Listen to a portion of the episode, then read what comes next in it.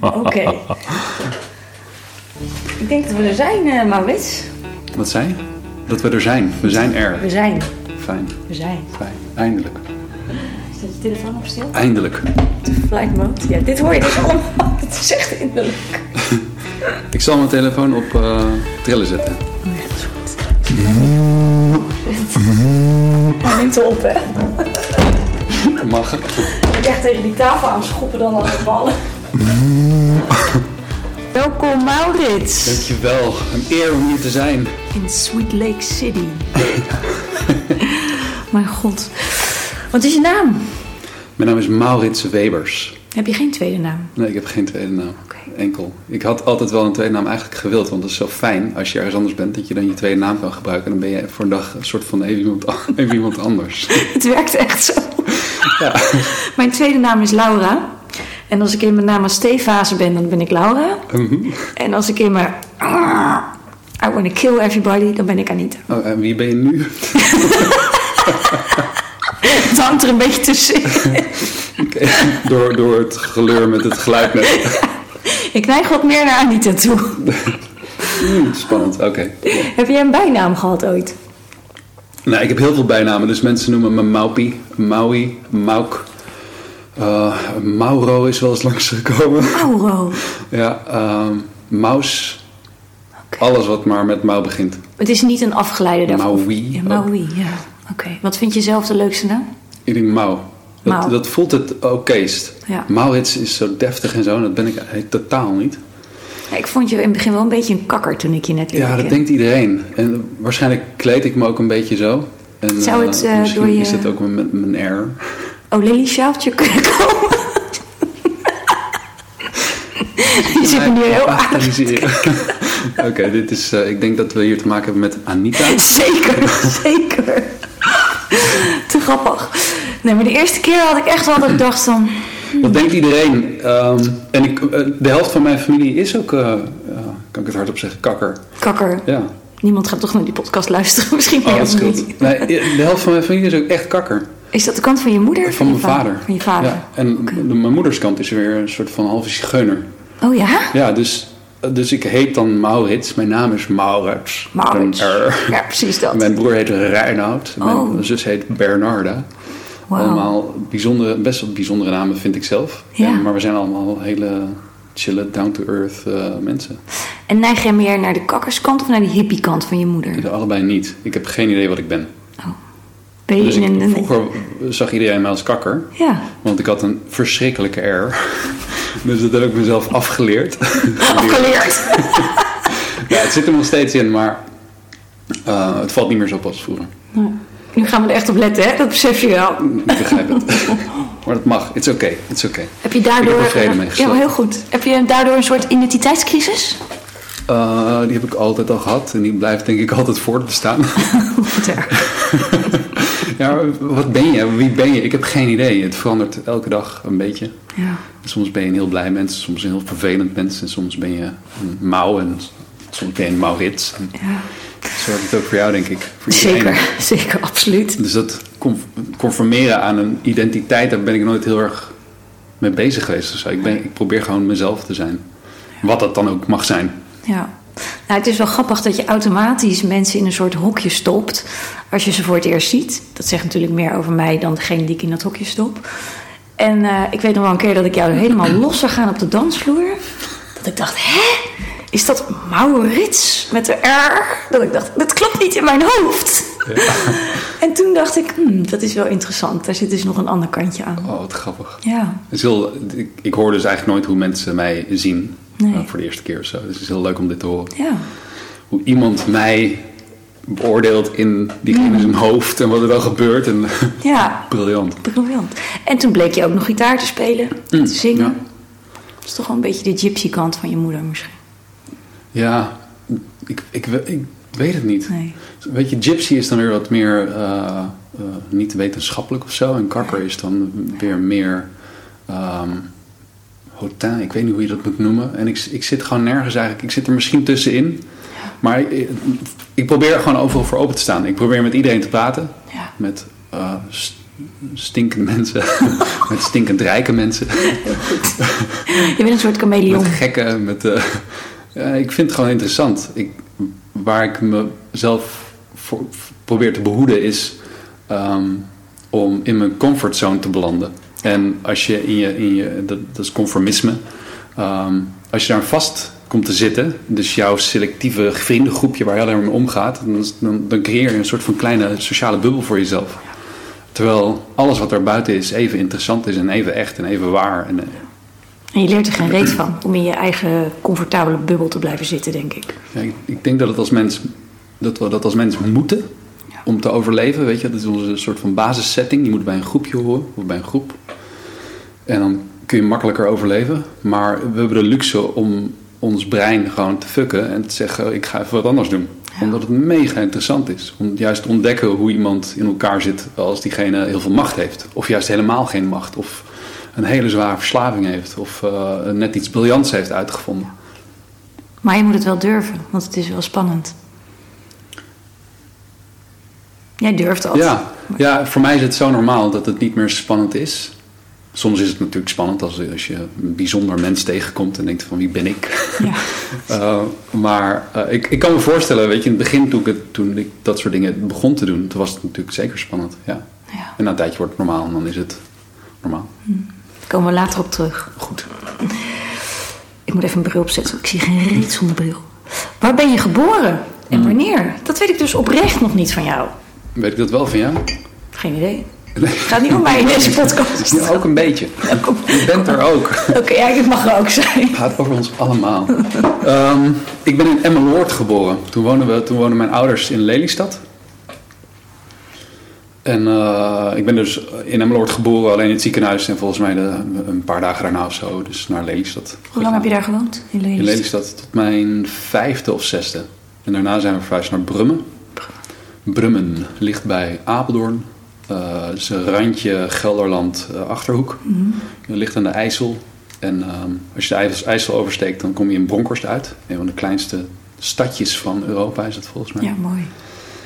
Um, en daar ben ik opgegroeid tot mijn achttiende.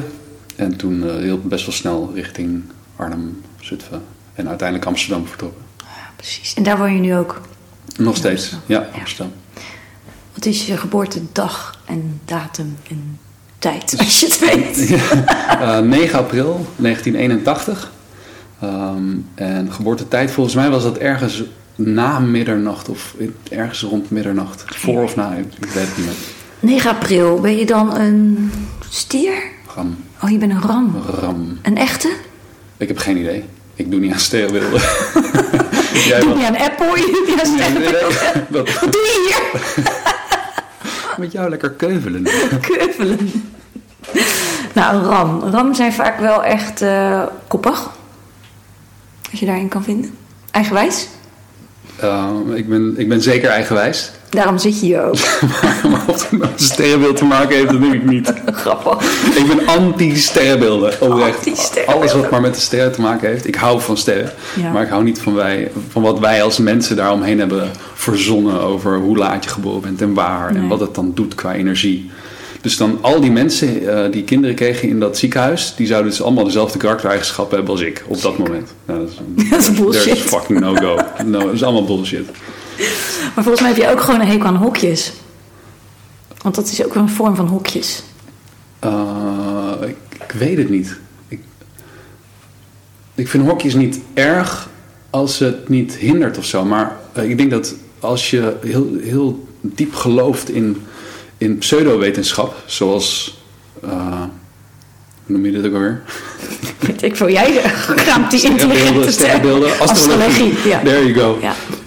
Pseudowetenschap. Um, ja, ik vind het pseudowetenschap.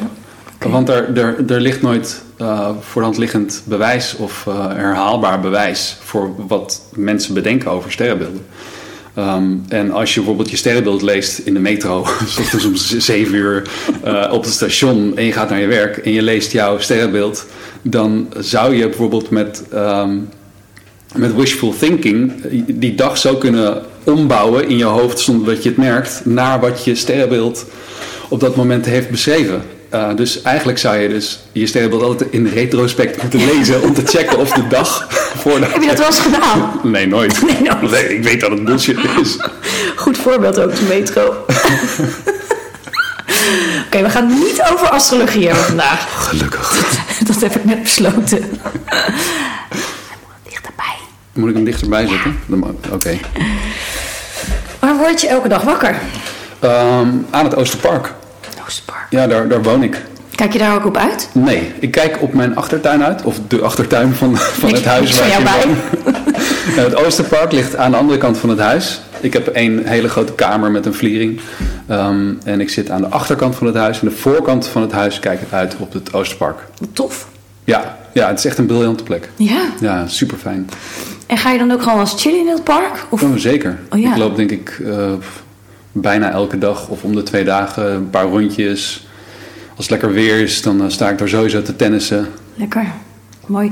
En je woont dus in een groot huis. Woon je daar met meerdere mensen? Ja, het is een, ehm, een woonstichting, zoals ze dat noemen.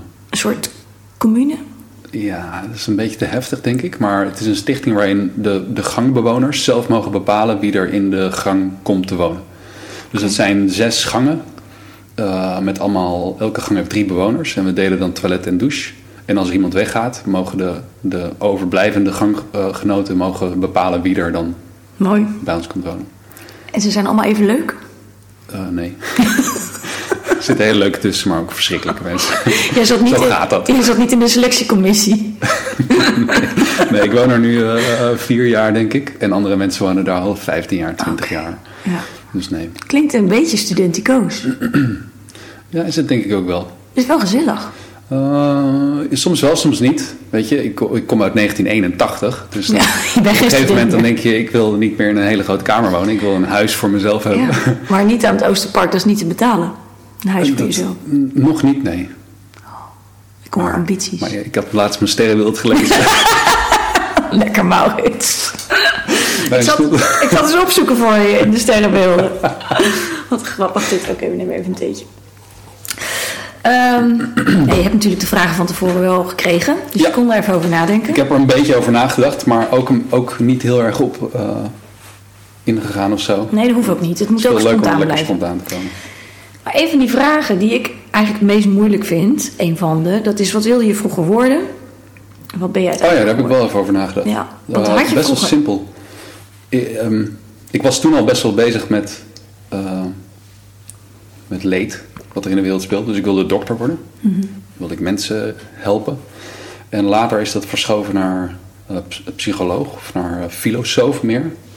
Want ik eh, wa- was me aan het verdiepen in eh, allemaal interessante mensen en ik vond dat zo gaaf. En ik hou ervan om over het leven na te denken en over wat allemaal gebeurt na de dood. En eh, wat waarde heeft, wat niet, alles, alles eromheen. Ja. En ehm, dus, ja, misschien ben ik dat ook een beetje. Ik vind jou echt een filosoof. Een filosoof die niet schrijft en niet, niets publiceert. Maar die vooral filosofeert. ja, die vooral heel veel filosofeert. Ja, grappig. Maar ik kan me zo voorstellen dat je acht of negen bent, dat je nog geen filosoof wil worden. Of, Ja, en misschien wilde ik toen nog dokter worden of zo. ja. Of had ik misschien nog dromen als eh, dat ik voetballer wilde worden of zo. Weet je? Dat is allemaal van die vluchtige dingen. Maar ik, ik hield me nergens echt zo aan vast als aan dokter of Mensen helpen. eh, filosoof. Ja. Mensen helpen. ja. Ja, dat is wel een beetje in lijn met wat je geworden bent. Wat ben je geworden? Dat vond ik wel een hele moeilijke vraag. Zal ik deze gewoon überhaupt nog wat harder? Hoor je mij goed? Ja, hij slaat iets minder hard uit dan bij mij. Oké, maar dat maakt niet uit. Ik kan hem gewoon nog harder draaien. Oké, Zo beter? ja, ik denk het wel. Top. Zeg eens iets. Dat doe ik al de hele tijd en niet. Come on. Bij mij zie je echt een soort van mega jij, jij, zit ook, jij zit ook zo Ik er. vergeet het bijna op. Oh, ja. We kunnen het nog een Ik beetje... vond dat dus een hele moeilijke vraag. Ja, dat snap ik. Ehm, want ik weet het nog steeds niet. Ik zie mezelf als. ehm, Even voor de duidelijkheid, je bent geen dokter geworden. ik ben geen dokter geen geworden. psycholoog. Geen psycholoog. Beetje Eh, filosoof? Ik ben dan nog steeds een filosoof die niks heeft geprint. Ehm, ik wil eigenlijk gewoon niks worden, Hmm. denk ik. Ik wil, ik wil mezelf optimaliseren en de wereld optimaliseren. En eh, en that's it. Eh, ik, om het wat makkelijker begrijpbaar te maken. ehm, ik heb meerdere projecten waar ik aan werk. En dat is een, eh, dat is, het tweede van is een, zijn applicaties, ehm, een platform. ehm, en ik, ik werk als ZZP'er, eh, als webdeveloper. Dus ik probeer gewoon mijn geld te verdienen om rond te komen. En daarnaast probeer ik alleen maar te doen wat ik wil doen. Ja. En dat is de wereld mooier ja, maken. dat- dat is mijn, mijn, mijn droom. Mijn allergrootste droom is om de wereld te verbeteren. Om het fijner te maken. Minder leed. Minder leed. Ja, daarom zit je hier ook. Mensen die de wereld een Ja. stukje mooier maken. Ehm, waar kunnen we je van kennen? Want ik ging jou dus googlen. Mhm. En toen kwam ik allemaal filmpjes tegen. Wat voor filmpjes? Ja, dat is een goede vraag. Ga je zelf maar eens googlen. Ehm, Wat denk je? Ik Je kijkt het- me heel angstig aan. Ja, ik weet het echt niet. Zangfilmpjes. Maar met twee andere mannen, jongens. Oh, wat grappig. Ah, daar totaal niet aan gedacht. Ik dacht geleden. de Huckabees. Dat is een bandje waarin ik eh, zat. Ja. En dit is... ehm, jongens, hoe heet we ook alweer? Ik ben het vergeten. Rufus Robin. Rufus Robin, volgens mij was dat het. Ja. Het zijn twee hele lieve, goede vrienden van mij. Bram en Tim. En Bram is een, eh, een hele goede singer-songwriter. Maakt hele bijzondere liedjes. En Tim is een, eh, ook, een, ook een hele goede eh, wat, muzikant. briljante gitarist. echt absurd. En ehm, we vinden het leuk om met elkaar muziek te maken. Dus dat doen we af en toe. En af en toe treden we dan op. Bijvoorbeeld in De Nieuwe Anita. Daar zag jij een filmpje van. Ja, dat denk ik wel. Ja. Ja. Het zag er heel Anita-achtig uit. heel fout. Nee, het is echt een briljante tent. Ja, in Ja, het is heel Amsterdam. leuk. Het is heel, eh, een hele kleine, lieve setting. En wat er gebeurt is, je hebt geen, er zijn geen microfoons of, of niks. En als iemand gaat optreden, iedereen moet stil zijn. Iedereen moet zitten. De bar gaat dicht. En diegene die aan het optreden is, die krijgt het, het volledige podium. Cool. Ja, met heel veel respect wordt daar eh, naar muzikanten geluisterd. Dus ook door mensen die heel graag daar komen om naar muzikanten te luisteren. Mooi. Ja, De. Anita. De kleine Anita. De nieuwe Anita. nieuwe Anita, ja, oké. In West. Dus, eh, Mensen kunnen je dus kennen van dat stukje. ja, Maar je hebt heel veel stukjes. Waar kunnen ze je nog meer van kennen? Uh, er is een, een filmpje li- heel licht viraal in Nederland gegaan over dat ik een hondenasiel op Lesbos wilde beginnen. Um, dus dat kan zijn dat mensen mij daarvan herkennen.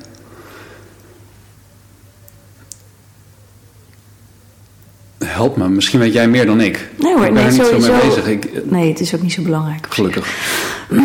Het hondenasiel. Maar ook medders, denk ik. Ja, maar dat is niet zo actief naar buiten nog. Dus, Nee, jij bent daar niet, nog niet het gezicht van. nee, Dus daar kennen ze je nog niet van. nee, Oké. denk ik niet. Maar ik denk wel dat veel mensen je van Lesbos kennen. Uh, dat, ja, dat zal wel. Veel foto's, misschien filmpjes. Zeker.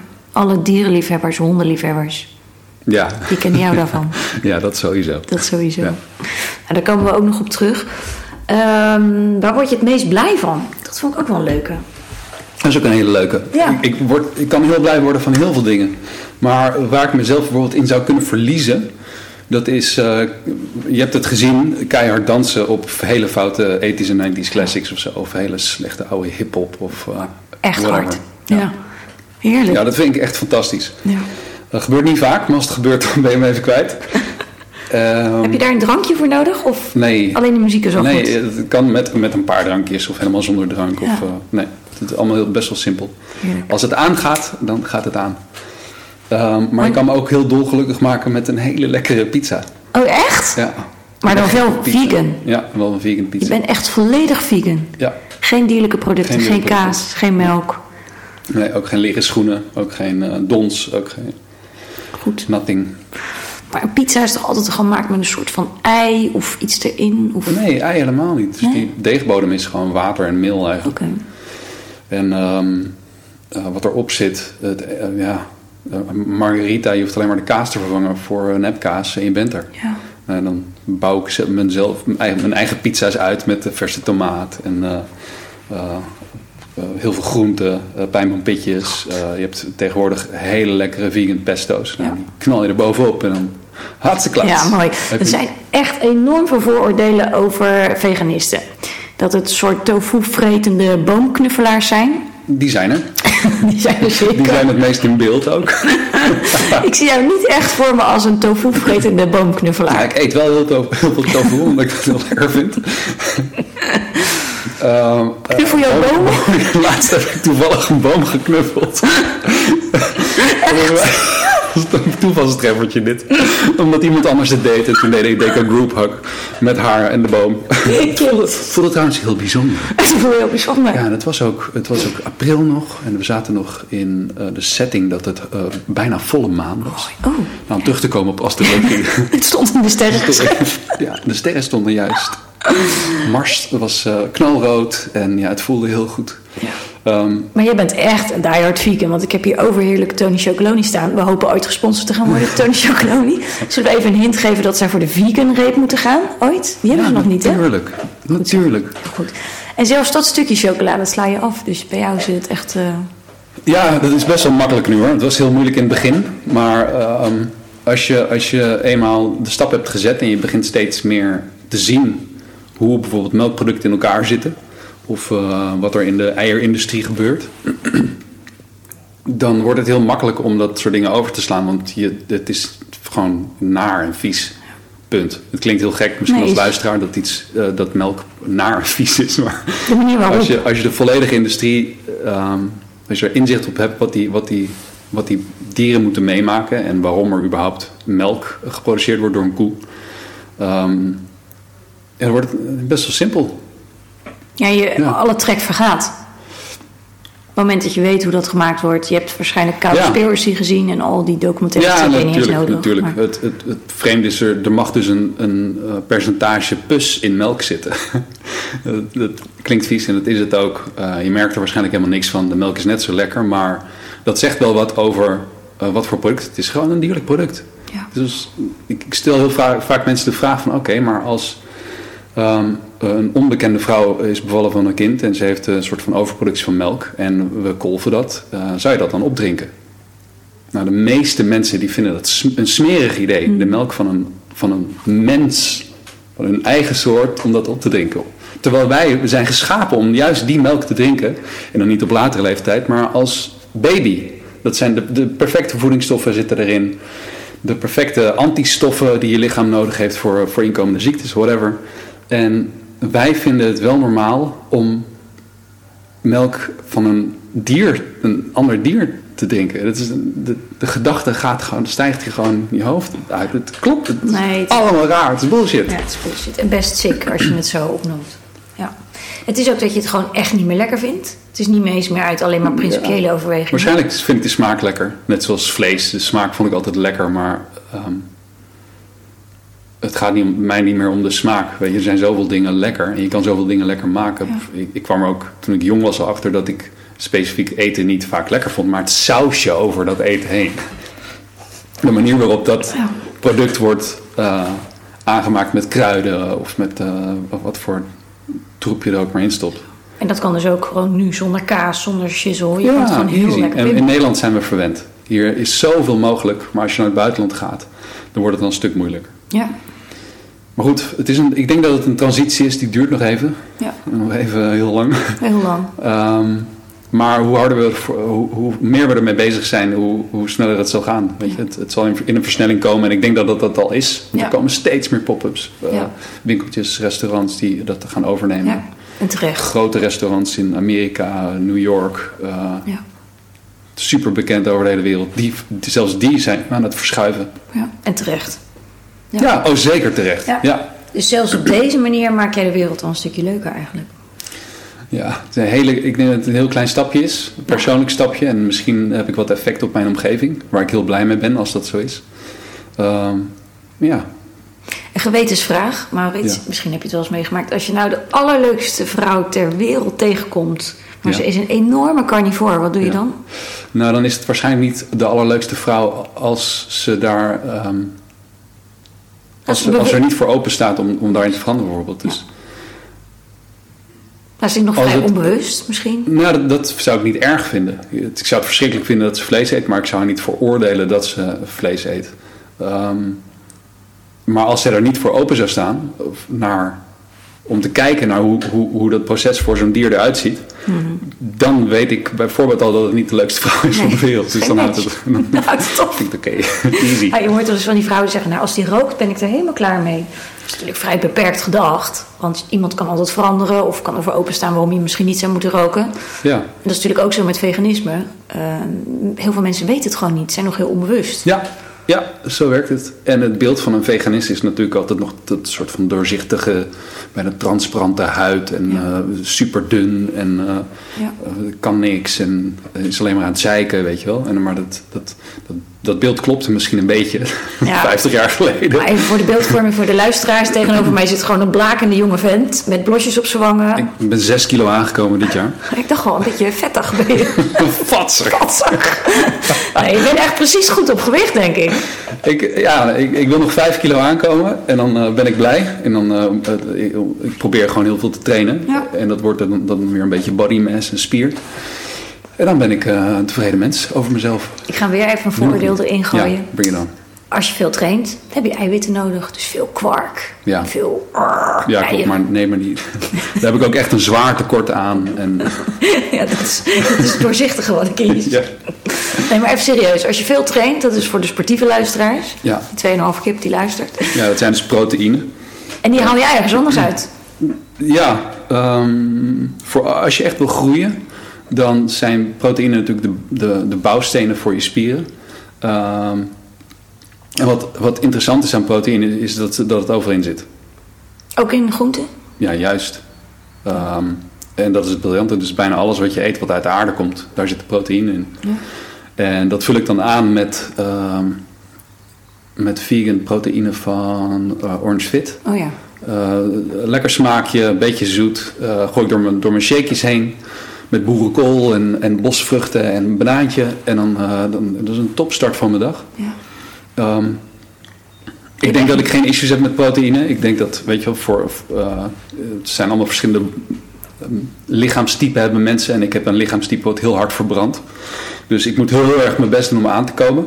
En dat heeft dan niet met proteïne te maken. Dus ik moet zorgen dat ik een goede balans van proteïne heb. Maar vooral koolhydraten. En koolhydraten zijn dan gewoon bij een soort van snelle suikers om te verbranden. Dus ik afgelopen jaar veel op koolhydraten gezeten. En hoppa, Lekker bulken. Erbij. Lekker bulken, ja. Ik had het niet gezien aan je overigens. Nee? Waar zit het in godsnaam? Ja, allemaal hier. Oh, in die oh ja. buik. Goed verhaal. Dit was even een zijspoor, maar wel een interessante. Ik vind vooroordelen namelijk echt verschrikkelijk. Dus op het moment dat er een kleine kans zich voordoet om, vooroorde om vooroordelen van de tafel af te sweepen, dan pak ik hem. Dus bij deze het voordeel dat veganisten tofu vretende boomknuffelaars zijn, dat klopt. Het klopt allemaal. Het klopt ook dat ze het wel zijn en niet zijn. Dat klopt allemaal. Vegan- veganisten zijn gewoon mensen. En de een is een klootzak en de ander is een te gek mens. Ja. Weet je, het zit, we zijn gewoon net zoals als omnivoren. Er zitten ook verschrikkelijke mensen en hele leuke mensen tussen. Precies. Easy. Nou, dit is eigenlijk wel een mooie brug. Wat is je grootste irritatie? Omnivoren. ja, ik voelde hem aankomen. Nee. nee, ik zat net in de auto en dat zijn, er was een zware irritatie. Als mensen, je, ik noem het klemrijders, dan zit je achter een auto, maar je gaat harder dan die auto die voor je zit. En dan komt iemand achter je rijden, die zit ongeveer in je, ehm, eh, in je kofferbak. Maar die, gaat, die, die is je aan het inhalen. Maar dat gaat zo langzaam dat jij moet afremmen voor die mensen voor je. Terwijl er nog bijvoorbeeld een baan voor diegene is om naar links te verschuiven, zodat ik er ook langs kan. Alles mag er zijn. Dus dat is een, daar kan ik me zwaar aan irriteren. Ehm, Dus je hebt me even ingehaald, even goed gegast, even lekker je middelvinger omhoog gestoken. nee, ik slik het in. Je slikt het Ik ben een, ik ben, ik ben een pussy. Je bent een binnenvetter. Ik ben een veganist. Namaste. Een slappe veganist. Te grappig. Is dat je enige irritatie? Nee, ik heb zoveel irritaties. Wat, breek me de bek niet los. beginnen we niet in. ook een zware irritatie is dat je een leuke avond hebt, bijvoorbeeld met vrienden, je gaat uit en het onderwerp wordt weer, waarom eet je geen vlees? Nou, serieus? Ja joh, dat gebeurt zo vaak. Altijd als je met mensen aan het eten bent, maar waarom eet je eigenlijk geen vlees? En dan, Maar gewoon met vrienden? het- oh, ook, ja. Maar dan mag, ik het, mag je het gesprek weer aangaan. En dan, ik, ik ben een beetje radicaal erin. Dus eh, dan ligt er een dood stuk dier op hun bord en niet op mijn bord. En dan probeer ik dat duidelijk te maken, maar dat maakt de avond niet heel erg veel leuker. Nee, snap ik. Dus dat probeer ik dan te ontwijken. Maar dat is toch interessant? Dat zijn gewoon je vrienden, die weten het toch? Ja, ook, maar ehm, omdat, omdat het een proces is om dingen te, eh, bewust te worden van bepaalde dingen, denk ik dat het nodig is voor die mensen om alsnog daar weer Ja. eh, het over te hebben. Ja. Ja, Familie, vrienden, onbekend, het maakt eigenlijk niet uit. Je hebt, je hebt het één keer gezegd, maar die tweede keer is ook nodig en die derde keer ook Ja. en die vierde keer ook. veel, ik hoorde net dat je heel veel geduld hebt. Dus dat heb je dus nodig. Sommige dagen niet altijd. Soms. Nou, ik herken het wel. Want ik, heb, ik ben dus bewust kinderloos. En ik heb dus ongeveer de eerste 35 jaar van mijn leven uit moeten leggen waarom ik geen kindjes wil. Ja. En als ik dan in gesprek ga met mensen die wel kinderen willen of hebben, dan kop ik eigenlijk de vraag altijd terug: maar waarom heb jij wel een kinderwens? Of waarom, ja, het is zo leuk om iets van jezelf te hebben. En dan is er iemand die voor je zorgt als je ouder wordt. Dat is wel een heel goed punt. Ja, eigenlijk ben ik al klaar met het gesprek. Maar toch is het interessant om de vraag terug te koppen. Ook in Ja. jouw geval, waarom eet je wel vlees? Ja, omdat het zo lekker is. Voor de eiwitten. Ehm, Heb je dat wel eens gedaan? wat? Teruggekopt die vraag van waarom Oh eet je? natuurlijk, Oh oké. natuurlijk, natuurlijk. Maar ik vond het heel interessant wat jij zei, van ik ben bewust kinderloos. En eh, ik ben bewust eh, diervriendelijk gaan eten. Eh, en hoe komt dat? Is omdat je er waarschijnlijk over nadenkt. Je hebt er al heel hard over nagedacht. Maar aan, aan jou de vraag dan, waarom ben je erover na gaan denken? Ja. Goeie vraag. Dat, daar hebben we een hele andere podcast voor nodig. Nee, ik ik vind het heel leuk, want het, eh, het, het is in het verlengde van wat we allemaal vandaag bespreken. Ja, is zo. Nou, En- en dat heeft natuurlijk heel veel persoonlijke redenen. Maar ik ben er inmiddels ook achter gekomen dat het beste wat je eigenlijk voor de aarde kan doen, is je niet te veel voortplanten. Klinkt heel onaardig. Ik hou echt enorm van kinderen. Ik vind ze fantastisch. Maar het is nou niet het meest duurzame wat je kan doen. Vier kinderen neerzetten op de aarde, bij wijze van spreken. Nee, behalve dat, er zijn heel veel kinderen die bijvoorbeeld geen ouders Ja, hebben. zeker. Je kan van alles bedenken. Of misschien eh, bijvoorbeeld ik. Ik zou geen kinderen willen, want ik kan die verantwoording, verantwoording gewoon niet handelen. Ik zou, ik zou helemaal gek worden. En wat- ik zie het om me heen gebeuren. Ik heb veel vrienden met kinderen. En ik denk dat is gewoon niet mijn leven. Nee. Punt. Nee, grote verantwoordelijkheid. Ja, Absoluut. En, maar eh, ik ben gek op kinderen. Kinderen zijn te gek. Heerlijk om, eh, om met, met, met kinderen die inmiddels een gesprek kunnen voeren. om daar Ja. het leven mee te onderzoeken, weet je wel. Dat is super gaaf hoe kinderen uit hun ogen kijken. Maar ook top als we weer teruggaan naar de ouders, toch? Dus dat moment is meestal het mooiste. Dat klinkt heel erg. Nee. Nee, ik snap die verantwoordelijkheid wel. Het heeft natuurlijk meerdere redenen. En eh, ik wist niet dat jij ook bewust kinderloos bent, wordt, blijft. Je weet het, je weet het nooit. Misschien is het ook eh, onbewust, want ik heb, ik heb geen partner om krijgen. Maar dat kan nog komen. Ook, ja, als die partner er zo meteen misschien is, dan zou het kunnen zijn dat je misschien onbewust kinderen krijgt. dat kan ook. Er wat. Ja, ja, het kan allemaal. Maar ehm, de, de volgende stap is dan van hoe komt het dat je erover nadenkt Ja. Om, niet, om, eh, om geen kinderen te willen krijgen? Ja. En hoe komt het dat andere mensen dan niet nadenken daarover? Of misschien daar heel licht over nadenken? Of misschien Nou ja. heel hard over na hebben gedacht en hebben- de keuze hebben gemaakt om het Ja. dan wel te doen? Ik denk wat jij zegt, dat dat wel een goed punt is. Want de mensen die voor kinderen gaan, die weten ongetwijfeld ook dat er heel veel pleegkinderen of pleegouders nodig zijn. Dat er heel veel kinderen zijn die in een onveilige thuissituatie zitten. Die eh, misschien geen ouders meer hebben. Maar dan toch is de keuze daar om iets van jezelf op aarde neer te zetten. Wat eigenlijk, wat ik wel eens behoorlijk egoïstisch heb genoemd. Klinkt heel onaardig, maar Ja, ik, ik, vind het ook, ik vind het ook heel lelijk om te zeggen, maar ik vind dat ook. Ja. Ik ben het daarin helemaal met je eens. Ja. Ik weet niet of we, of we daar, of luisteraars willen dat we daarover uitweiden. Je mag uitchecken op dit moment. Dan gaan we, ik denk dat daar nog wel een andere, eh, andere aflevering voor nodig is. Want het gaat best wel ver. En het is een heel gevoelig onderwerp voor heel veel mensen. Maar het is ook echt een super mooi onderwerp, want we hebben er allemaal mee te maken. Ja, zeker. Voortplanting. We zijn eigenlijk geboren om ons voort te planten. Ja, dus wat maakt dan dat wij bizar. een hele onnatuurlijke keus maken hierin? Ja. En, en mega interessant. Ja, Want we zijn op het punt gekomen inmiddels in de wereld waar, waar, wa- waardoor we erover na kunnen denken. ja. ja Het tuurlijk. is bijna een luxe. Ja. Nou ja, wij weten allebei, dat is, weet ik van nog vier punten hierna. We kennen elkaar vanuit Lesbos en we weten allemaal dat mensen daar, heel veel mensen, die hebben niet eens een keus Ja. om, om kinderen op de aarde te zetten. Of Ja. weten niet dat ze de keuze hebben om het niet te doen. Of dat je bij jezelf denkt van ja, we hebben het hier echt wel heel, heel luxe en heel goed. Dat we überhaupt die keus mogen maken. Qua vrijheid ook zeker. Ja.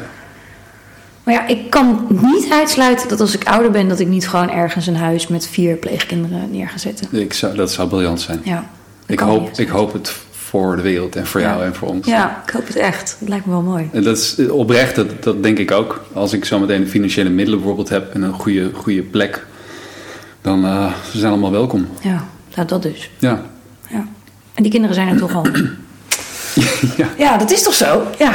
Nou, dat is, dat is wederom een mooie, mooie zijspoor. Waar kwamen we nou vanuit? We kwamen vanuit irritatie. Ja. Vanuit vrienden die vlees eten. Hoe zijn we hier beland? Oké. Geen idee. Um, nou, dit is wel een hele leuke. Wat is je guilty pleasure? Dat vind ik super moeilijk, want ik, ik, wat erbij stond is waar je stiekem een beetje voor schaamt. En ja. ik ben een beetje beyond Schamen. schaamte. Je schaamt je nergens voor. Uh, jawel, soms voor dingen. Maar, maar niet, voor, niet, niet voor iets wat ik dan geregeld doe of zo. Ik zat aan te denken in de auto. Ik, um, waar ik de laatste tijd wel eens naar kijk, is Zweedse films. Top. Rare oude Zweedse films, hilarisch. Maar is het een guilty pleasure? Ik heb geen idee. Je hebt niet dat je stiekem, uh, ja, moet je zeggen, heel blij wordt van bijvoorbeeld uh, de muziek van BZN van vroeger of zo. Nee. nee, maar als ik er blij van zou worden, is het geen guilty pleasure. Want dan denk ik alleen maar, het is, het is gewoon vette muziek. Je hebt gewoon geen guilty pleasures. Nou ja, mijn guilty pleasure zou dan zijn slechte oude ethisch uh, classics. Waar je helemaal los op gaat. Ja, maar daar ga ik los op. Dus gaan we ook niet soort van, woehoe, let's go. ja, dat is... dat is een mooie constatering. Constatering. Maar je schaamt je, dus- maar je schaamt je wel ergens voor, maar niet voor je guilty pleasures. Waar schaam je je voor? Je mag ook gewoon zeggen, daar geef ik geen antwoord op. Nou ja, dat, dat zijn dan privé dingen, weet je wel. Dat iemand um, je ziet op een moment waarop je niet wil dat iemand je ziet of zo. Dat, dat, ja, dat is een soort van... Uh, uh, het kan zijn dat ik mijn nest uitstap en dat ik, uh, dat ik een slechte nacht heb gehad en mijn haar staat alle kanten op en dat een, een, een, bijzonder persoon of zo aanbelt en binnenkomt en mij zo ziet. Daar zou ik me voor schamen. Zo, oh shit, hoe, hoe regel ik dit nou weer? Ja. ja. Of wat mijn, mijn seksuele voorkeuren zijn of zo. Dat is ook, denk ik, gewoon privé. Oh, dat wil je niet hier bespreken? Nee, dat Sorry, dat misschien, nee, nee, misschien zei ik dat ook verkeerd. Maar wat ik, wat mijn, hoe mijn seksleven eruit ziet, dat meer. Zoiets. Ja, precies. Het is gewoon net, net de privé. Mensen ja. zouden het mogen weten, maar... Het gaat je geen reden aan, maar, maar voor sommige dingen zou ik me misschien wel schamen. Ja. ja. Nu maak ik me wel echt heel nieuwsgierig in de combinatie met Maar ik zal het je niet aandoen. Schaam jij je op slechte dagen? Nou, is misschien niet echt schamen, maar dagen dat je niet blij bent met jezelf en dat je misschien moe bent of ziekeneurig of verdrietig, verstop jij je dan of zoek je dan juist mensen op? Uh, ja, dubbel. Dat ligt aan mijn energie. Dus ja. mijn energie gaat, is een beetje een achtbaan. Uh, vaak moe en meer dan geregeld uh, hoge energie. Dus het gaat een beetje alle kanten op. Hoge energie als in ADHD? Doef, doef, doef, nee, nee, gewoon je lekker voelen en, okay. en hard werken en okay. je dag vol ja. plempen met alles wat je moet doen. Ja. Um, en als ik me slecht, als, als er een moment is dat ik verdrietig ben of slecht of zo, dan, dan ligt het aan de staat. Als ik, me goed, als, ik me, als ik energie heb en verdrietig ben, dan zoek ik mensen op. Als ik geen energie heb en verdrietig ben, dan hou ik me heel stil. Dan ga ik thuis lekker een boekje lezen, een film kijken, een rondje ja. door het park lopen. Ja. ja totdat ik daaruit ben. En ja. dan zoek ik weer mensen op of niet. Ja. Ik ben best wel een eindselganger trouwens. Ja. Ja, als je dat zo zegt, dan klinkt dat ook zo. Wat helemaal niet erg is, dat is prima. Je hoort best wel veel dat als mensen zich niet zo goed voelen, dat ze zeggen: Nou, weet je, ik kruip in mijn hol en dan heeft niemand last van me. Ja, misschien ontstaat het daaruit dat je dat doet en dat je niet oefent om dat juist te delen. Ik denk dat ik daar wel overheen ben, want ik deel het wel met mensen om me heen. Dus ik durf openlijk te zeggen hoe ik me voel en hoe mijn energie is en Ja. waar ik sta. En soms als het ook. Eh, als, het, als, het, eh, als ik echt een slechte week heb gehad of zo, dan, dan ga ik naar mijn oom en tante in Nijmegen. Want daar voel ik me heel erg thuis. Dus een soort van een ouderlijke huis. Ehm, dus dat doe ik wel. Maar ik weet ook dat als ik heel weinig energie heb, dat het, eh, dat het heel fijn is om mezelf op te laden door niets te doen en geen, geen, eh, geen input te hebben van buitenaf. Dus ook niemand die zegt van wil je dit of wil je dat of Ja, wat kan ik voor je doen? Gewoon nul. Je bent natuurlijk een heel fijn mens om bij te zijn. Dus ik kan me ook voorstellen dat mensen zich een beetje aan je vastklampen en zich lekker opladen met jouw energie. En weet ik ook niet, het is moeilijk Weet ook jezelf te zeggen. Ehm, en dat, dat als je dat vaak hebt, dat je op een gegeven moment gewoon even opgeladen moet worden. Dus dat je telefoon in stopcontact stopt. Ja, hallo, gewoon even thuis in je eigen. Ja, nou, en, en wat ik ook weet is dat mensen die iets met de wereld willen doen, eh, daar echt daar, eh, veranderingen willen brengen op een, op een beetje een gekke manier misschien. Eigenwijze Ehm, manier. Op een eigenwijze manier. Eh, niet op een, op een wat meer rechtsere manier. Ik, ik weet niet hoe ik dit moet uitleggen. Mhm. Maar ehm, die, ik denk dat heel veel mensen daar ook energie op verliezen. Dus dat doe ik denk ik ook. Want jij voelt echt de, de, de pijn van de wereld op jouw schouders rusten. Eh, soms.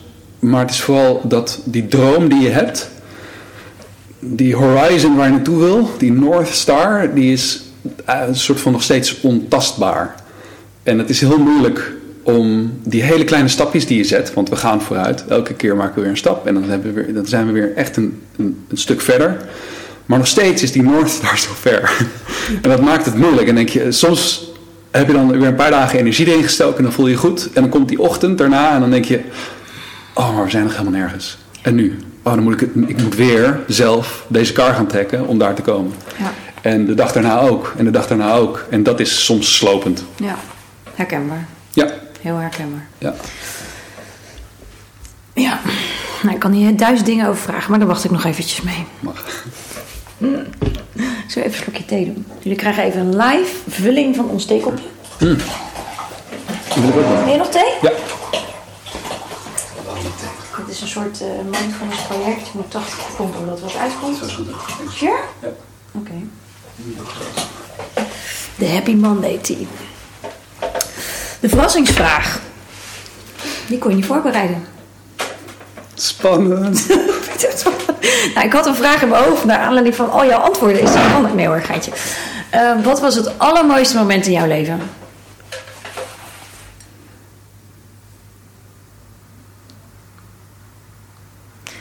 Maurits zit me ondertussen met hele grote ogen heel denkend aan te kijken en te graven in zijn Het geheugen. mooiste moment in mijn leven. Ja. My god. Het kan een dag zijn, een moment en eh, weet ik veel. Ja, er, zijn, er zijn meerdere momenten die we wel bijstaan. Keuzes, gevoelens. Maar er, het is niet één specifiek moment waarop ik zeg van... Wow, dat was het moment van mijn leven. Eh, er zijn meerdere bijzondere momenten in mijn leven. Mag. Ehm, ik heb niet zo'n goede relatie met mijn ouders. En er was een moment dat ik erachter kwam dat wat ik verlangde van mijn ouders, dat ik dat, als ik dat gaf, juist, in plaats van verlangde, dat het dan opgelost was. Dus dat was een, meer een epiphany. Mooi.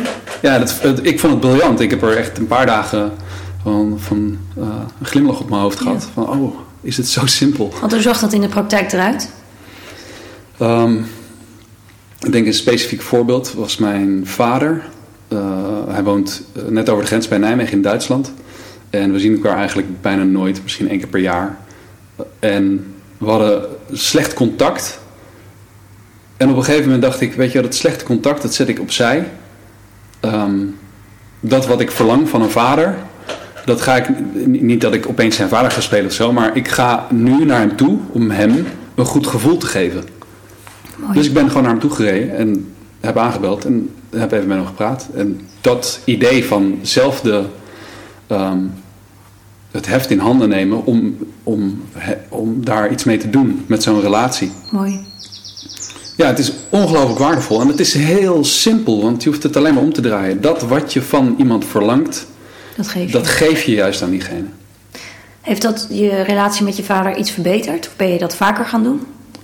Om opzoeken? Ja, ik ben het, ik ben bij, natuurlijk bij veel meer mensen gaan doen, of zelfs ook ideeën.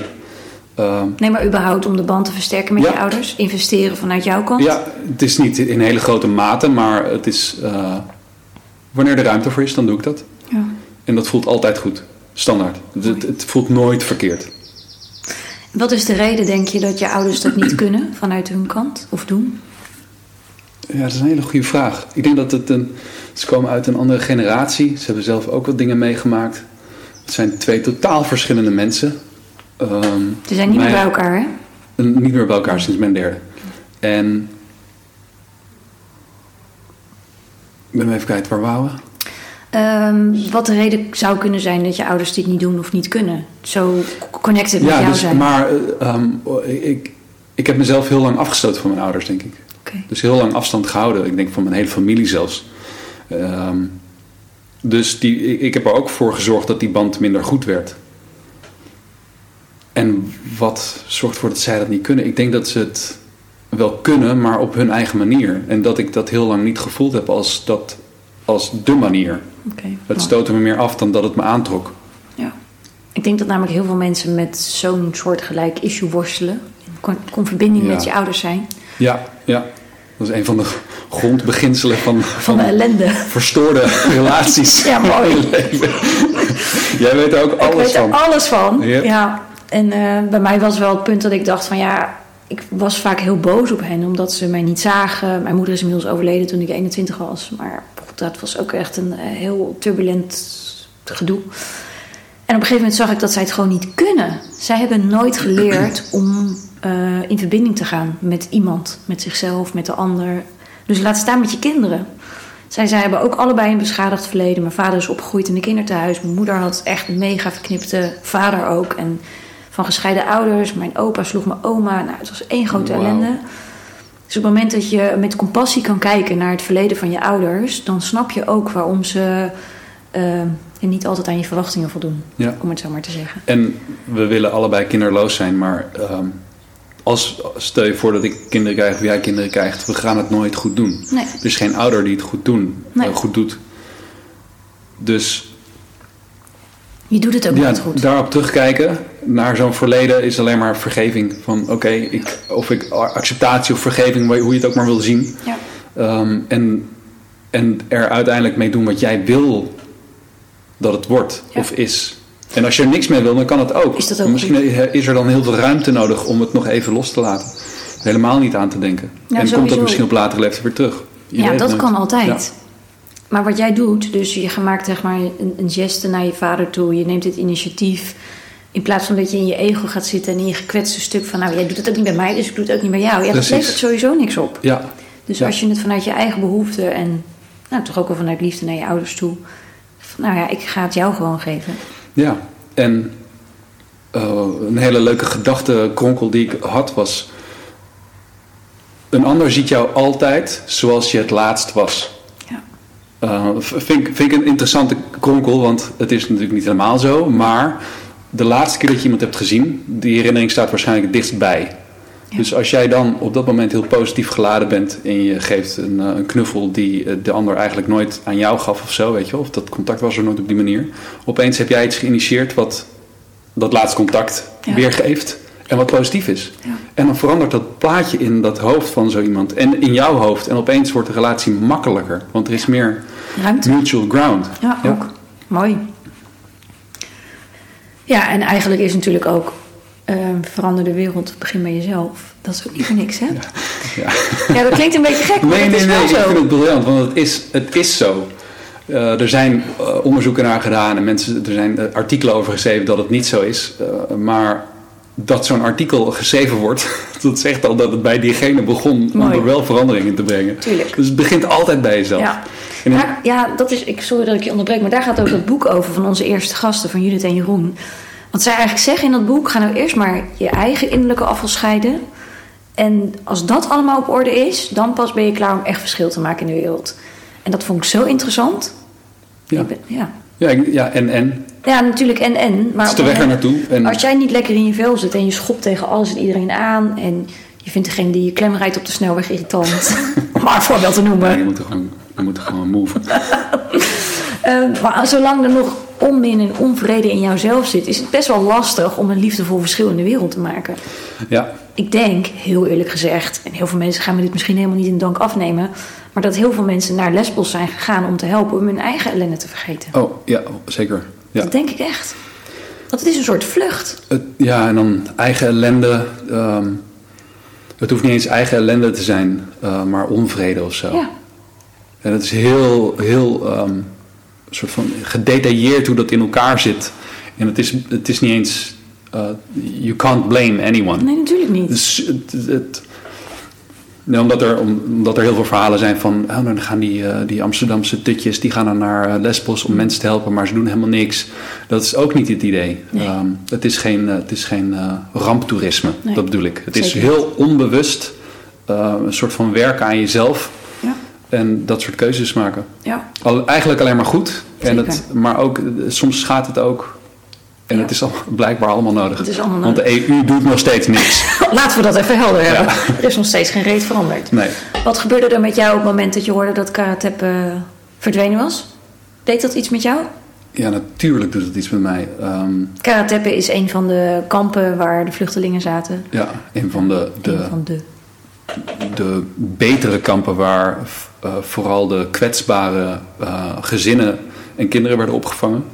Ehm, ja, wat doet dat met je? Het, het, het bewijst maar weer hoe ver de politiek van dit soort situaties afstaat. Ja, Ik vind het verschrikkelijk wat er, wat er in, eh, hoe heet het andere kamp, Moria, ook gebeurt. Dat, het Kun is jij abs- het- absurd, het is niet te bevatten. Nee. En jij bent een heel gevoelig mens. Kun jij dit soort dingen handelen? Hoe ga je daarmee om? Ehm, wat ik probeer te doen is dat als ik er niks aan kan doen, dat ik er dan niet eh, heel lang mee bezig ben. Dus ik zie het, ik laat het binnenkomen, dat vind ik ook heel belangrijk. En dan probeer ik het ehm, af te laten glijden. Want als ik er op dat moment, me- me- me- als ik er op dat moment niks mee kan, dan heeft het geen zin om er eh, onnodige energie aan te verspillen. Knap. Dat is zonde. Het, eh, niet dat het lukt hoor. Nee. Soms blijven dingen hangen, zoals dierenleed, dat blijft altijd lingeren, omdat Ja. het continu om me heen is. Ja. Ehm, maar Karatep staat in dit gewoon een stuk verder van me vandaan, dus dat is makkelijker weg te schuiven. En het is niet zo dat ik niet, eh, dat ik vergeet of zo wat er daar gebeurt. Nee. Het is onmenselijk Ja. That's interesting. dat ik uitgezet. Misschien is het heel belangrijk. Nee, Nee. dat is nooit belangrijk. Goed, dat was dus de introductie. Wat? Wat? Een kwartier verder. We gaan echt enorm. Lekker. Nou, ehm, ik ken jou, Maurits, vanuit Lesbos. Ja. Volgens mij was onze eerste ontmoeting dat ik op jouw terrein... Jij had daar een, echt een verschrikkelijk oud hutje waar jij zoveel Ja. mogelijk... Kwam je granaatappels Ik kwam granaatappels Wow, vet. Ja, dat klopt. En we waren daar met een team. En ik hoorde dus dat er in jouw tuin granaatappels aan bomen hingen... waar je eigenlijk niet zoveel mee kon. En ik dacht, ja, maar die mensen op Karatepe hebben gewoon vitamintjes nodig. Dus win-win. Ja, te gek. En ik kwam daar binnen en ik zag dus... Ja, wat had je allemaal lopen? Hondjes, katten. Ja. En, en je had zelf niet eens... Het was echt alles behalve een luxe onderkomen. Ik weet niet of je daar zelf... wel, ja, een briljant onderkomen. ja ik, ik- want hoe zag het eruit? Ehm, officieel denk ik een, een, een buitentuinhuisje waar eh, Griekse mensen op vakantie gaan, op Lesbos dus. Ehm 50 meter van het strand eh, langs een weg. eh, een- niks luxueus, allemaal heel erg pauper. Het huisje dat lekte aan alle kanten. Het was smerig en vochtig binnen toen ik er voor de eerste keer kwam. Eh, niet, dat kun je gewoon niet voorstellen. Het was spinnenwebben, eh, stront, een vloer vol vocht en water. Ehm, je, je kan er niet rechtop staan met mijn 1,91. Het was echt heel klein. Het was heel klein, ja. Ehm, maar toen ik het schoon had gemaakt en wat spulletjes erin had gezet en de tuin een beetje had geordend, was het echt een briljant klein Paradijsje. paradij ja, paradijsje wil ik het nog steeds niet noemen, maar het, dat tuinhuisgevoel, dat is gewoon heerlijk. Ja. Mooi. En, en vooral ook omdat die dieren er rondliepen en dat was intens liefdevol. Ja, want ik heb eigenlijk nooit heel erg doorgevraagd op het feit hoe je daar terechtgekomen bent, wat er in je hoofd gebeurt om zo'n stap te zetten. Mhm. Ik heb het wel vaak willen vragen, maar ik dacht ik ben eigenlijk gewoon voor de podcast. Ja, cool. Want wat deed jij voor die tijd in Amsterdam en wat maakte dat je dacht, ja fuck it, ik ga hondjes redden op Lesbos? Oké, dus We Wat deed ik in Amsterdam. Ik heb geen idee wat ik in Amsterdam deed. Ik woonde waarschijnlijk aan de Amstel. eh, bij hele lieve mensen eh, mocht ik wat onderhuren. En daar was ik gewoon geld aan het verdienen met webdesign of zo. Want jij bent dus een soort idee. Nee, niet Nee. voor gestudeerd, maar ik kan dat. En ik vind het makkelijk. eh, dus daar verdien ik gewoon geld mee. Ja. En dat is makkelijk geld, omdat het me niet heel veel energie kost. Nee. Ehm, en, maar ik ben mijn hele leven al bezig met hoe de wereld in elkaar zit en dat ik er iets mee wil doen. Maar wat ik eraan wil doen of kon doen, dat was helemaal niet duidelijk. En opeens kwam er een post langs van Steffi de Paus. Dat was een vriendinnetje van de vriendin in die tijd van mijn neef. Dus dat stond heel dichtbij. En die was op zoek naar een aantal mensen uh, om mee te gaan naar Lesbos. Om eten uit te delen bij Kamp Moria. Helemaal aan het begin. Ja, 2015 was dat hè? Waarschijnlijk, ja. Volgens mij september 2015. Kan heel goed. Um, ik vond dat een fantastisch plan, dus ik ben meegegaan. En uh, we hebben daar tien, tien, dagen of zo eten uitgedeeld. Um, en toen ik weer terug in Amsterdam kwam, ik weet niet of ik twee keer ben mee geweest daarvoor. Ik denk het wel. Maar ik had het gevoel van, ik kan niet zoveel met die vluchtelingen. Dat is niet mijn, uh, mijn ding of zo. Want heb je dat, hoe heb je dat ervaren, dat eten uitdelen? Deed dat wel iets met je? Of dacht je jo, zeker weten. Natuurlijk doet dat, ja. dat doet verschrikkelijk veel met je. Um, het klinkt heel simpel, hè? Gewoon even eten uitdelen. Nee, dat, het was bijna razzia-stijl, weet je wel. Dat is gewoon... De, dat was allemaal Steffi's idee. Briljant ook hoe zij dat aanpakt. Gewoon... Als je het over eigenwijs hebt, dan heb je het over Ja, ja, ja. ja. Um, een busje vol eten knallen en, wel, en gewoon die, die heuvel oprijden achter uh, Camp Moria en maar zien hoe we het gaan fixen. Dus het was ongelofelijke chaos in het begin. En ik was niet in de, in de beste periode van mijn leven. Dus uh, op een gegeven moment dacht ik, zo werkt het niet. Ik ben boven die bus gedoken. Toen ben ik gewoon naar mensen gaan schreeuwen. Jij doorlopen. Oh, serieus? ja, en jij in de rij. En dan weet ik wat. Op, en Steffi kreeg daar weer een idee bij. En die, uh, met zoveel waren jullie? Met z'n achten of zo, denk ik. Oké. Okay. En heel langzaamaan kwam er structuur in na een paar dagen. Doordat iedereen bijdroeg aan ideeën. Wat kunnen we nog meer? Wat kunnen we nog meer? Um, en uiteindelijk stond er gewoon een, een, goed functionerende soort van loopband van twee rijen van mensen. één voor mannen, de ander voor vrouwen en kinderen. En er werd keihard uitgedeeld. Mooi. En hoe kwamen uh, jullie aan dat eten? Kopen.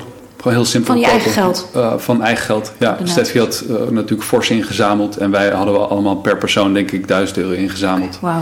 Er werd allemaal bijgelegd en er werd gewoon ongelooflijk veel fruit en uh, boterhammen met pindakaas. Mooi. Er werd van alles gedaan. Echt heel goed. En dat was nodig, want die mensen hadden daar wel iets van eten op dat kamp, maar niet heel veel. Ja, dus er paste, ik durf niet helemaal te zeggen, maar iets van 2.500 mensen in het kamp zelf. Maar op dat moment waren er iets van 3000 mensen buiten het kamp. En het was uh, september, oktober of zo. Ja, het werd niet heel warm. Het weer was, ja. uh, s'avonds werd het rond de, uh, rond de 6 graden met regen. Dus die mensen, sommige mensen hadden geen tent. Nee. nee je, je kan het je helemaal voorstellen, het was gewoon ellende. Ja. Eén watervoorziening of zo ergens, Ja, waar, iedereen het mee moest doen. Ja. Dus dat heeft indruk op jou Dat heeft zeker indruk voor, op mij gemaakt. Um, maar ik ben niet zo'n ongelooflijk sociaal dier dat ik de hele tijd met vluchtelingen uh, gesprekken aan wil gaan. Of uh, dat leed kan aanschouwen of zo. Of dat eten kan uitdelen. Voor mijn gevoel was ik niet waardevol. Of stond ik niet waardevol genoeg op mijn plek of zo. Ja. Toen ben ik terug naar Nederland gegaan. Uh, gingen we wat maanden overheen. En Steffi had op een gegeven moment een post met dat zij helemaal gek werd van de honden. En dat ze het eigenlijk niet meer aankon. Op zoek naar iemand die dat wilde overnemen. En toen heb ik, er, heb ik erop gereageerd van ik, ik, ik wil dat zeker gaan doen. Um, ik, hoe leg ik dit heel kort en makkelijk uit?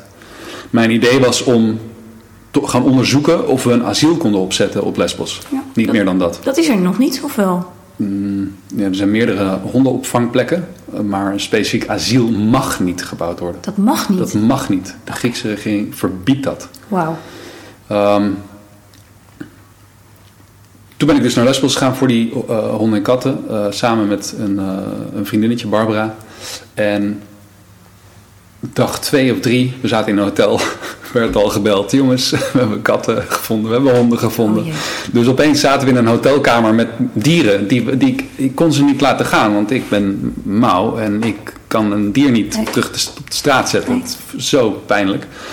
Dus wij met die honden rondleuren van hotelkamer naar achtertuin, naar andere plek, naar achtertuin, naar hotelkamer. Dat is echt een verschrikkelijke heisa. Het mag niet, Dus hè, op hotelkamers. Die Nee, mocht ook niet, Nee. dus het was allemaal illegaal en sneaky. Maar we hebben het overleefd en op een gegeven moment hadden we dus ook een plek wat onvoorstelbaar was. Want nergens had iemand een woning en opeens hadden wij een, die, die tuin dus met een, met een soort van afvalbak waar we in konden slapen. Ja. Ehm, Met al die bomen waar granaatappels dus- aan groeiden. Ja. dus van het idee uh, een asiel, onderzoeken of we een asiel konden opzetten of wat de mogelijkheden zijn met de regering daar. daar heb, ik heb ook met die mensen van de gemeente om de tafel gezeten meerdere keren.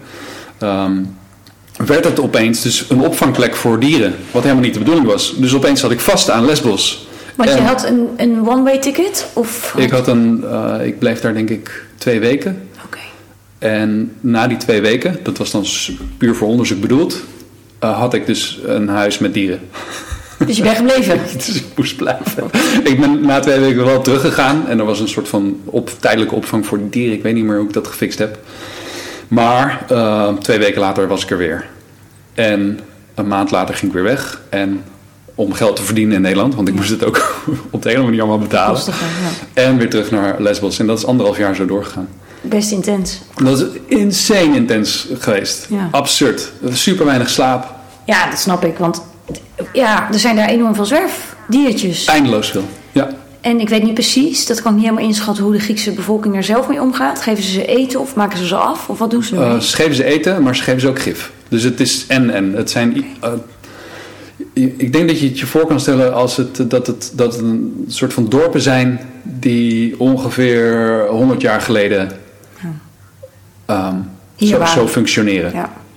Zoals 100 jaar geleden. Eh, die mensen zijn gewoon groffer, harder. Barbaarser. Ja, Ja. het is heel simpel. En sommige mensen, dus misschien 1 op de 50 mensen, geeft om dieren. En die, helpt die helpen die honden en die katten, die voeren ze. Ja. Met hun zakgeld of met wat ze ook maar kunnen regelen, weet je wel. Ja, want ze zijn vrij arm daar, hè? de bevolking. Ja, ja, ja. Ja. Ja. En de rest eh, die interesseert dus eh, helemaal niet wat, die, wat er met die beest is. En dan heb je ook nog een klein deel wat gewoon snoeihard is en gif strooit of expres dieren aanrijdt. Ja. Eh, ze in zakken verdrinkt in, de, in sloten of in rivieren, maakt niet uit. Dit is Ja, natuurlijk enorm intens voor jou als dierenliefhebber om dat te zien. Ja, verschrikkelijk. Vooral als je niet weet hoe die wereld eruit ziet. Nee. Dus het is allemaal ontdekking, Ja, hoe dat functioneert. Ehm, ja, dan kom je dan achter en dan is het gewoon keiharde realiteit. En dan word je met je neus op de feiten geduwd. het is die eh, Noordpoolster wat je net zei. Dat je denkt, oh, we maken het verschil voor tien diertjes. Ja. Oh, er zijn er nog vijftig. en nou, ja, er zijn er nog eh, een paar miljoen. Ja, Ehm, en dat is dan ook, denk ik, ook de reden waarom ik daarmee gestopt ben. Is dat je, eh, het is een, een druppel op een gloeiende plaat. Ja. Ehm, en wat ik een hele interessante gedachte vind is, als je de wereld wil veranderen, wil je dan jouw wereld veranderen of de wereld?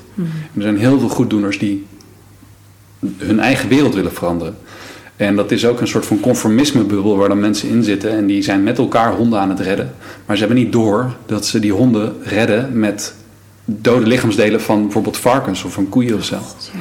Dat is een idiote gedachte dat, je, dat ik naar Lesbos ga om honden te redden, maar ik voer ze andere, leven, andere dieren die daarvoor dood moeten gaan. ja. Dus het, het is absurd. Maar hoe zie jij dan de natuur? Want dan eten dieren elkaar ook op. Ehm, ja, maar wat wij doen met de bio-industrie is niet, Ja, niet meer nee, natuurlijk. nee. Dat, dat heeft ook niks meer met natuur te maken. Hoe, Nee. Wat wij consumeren aan vlees is niet meer natuurlijk ook. nee, nee, nee. En hoe wij het vlees ook groot brengen is niet meer natuurlijk. Dus En dat voer je weer aan jouw diertjes die je daar aan ja, dat zijn natuurlijk de afvalproducten Ja. die van ons vlees afkomt. En dat zeg ik dan ons vlees, maar het is niet ons vlees. Het is, Nee. het, het is een lichaamsdeel van een dier dat Ja. wij afnemen Ja. onder, met dwang en druk. En, Ja. en ehm, het grote plaatje van, eh, van, van honden en katten op Lesbos is dat het heel goed is dat er opvangen zijn, zodat het in beeld is. Mensen zien het daardoor. Mensen praten in elk dorp ongeveer in Nederland wel van, oh die hond komt uit een Grieks dorp. Eh, er is dus een soort van bewustwording daardoor. Ja. Net zoals er, dat er bewustwording is door die mensen die in zo'n eh, kamp als de Karateppe gaan helpen. In hun eigen omgeving ontstaat er dan bewustwording. Ja. Maar is het de oplossing? Het is dus niet de oplossing zelf. De oplossing zelf zou zijn, en dat is keihard. We maken al die dieren af, zodat er nooit meer dieren bij kunnen komen. Bijvoorbeeld. best hard Dat is-. Ja, dat- keihard. Ja. Maar dat zou een oplossing zijn. Dat zou een reële oplossing zijn om structureel van zo'n probleem af te komen. Ja.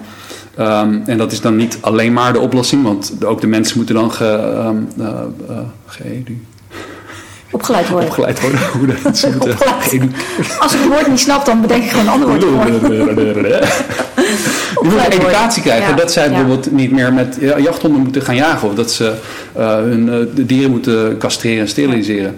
Want Eh, dat dus was een heel ander proces is dat. Ja, want dat weet ik ook nog wel. Dat jij zei, ik wil ze eigenlijk allemaal eh, steriliseren. Of, eh, Ja, maar, maar- het is natuurlijk heel ambitieus. Dat is super ambitieus, maar wel een betere oplossing dan, dan die dieren allemaal in huis nemen en een plekje geven. Ja. Want ze blijven oneindig bijkomen. Ja. Weet je, een, hond wordt geboren na zes maanden, of na, eerder nog, is zo'n zo'n reu is dan uh, geslachtsrijp. geslachtsrijp. Ja. Nou, binnen een paar maanden werpt die puppies, maar een paar maanden daarna is ze weer geslachtsrijp. Dus twee nestjes per jaar Heftig hoor. voor een reu. Ja. En dat zijn de nestjes van misschien gemiddeld drie of vier pups. ja.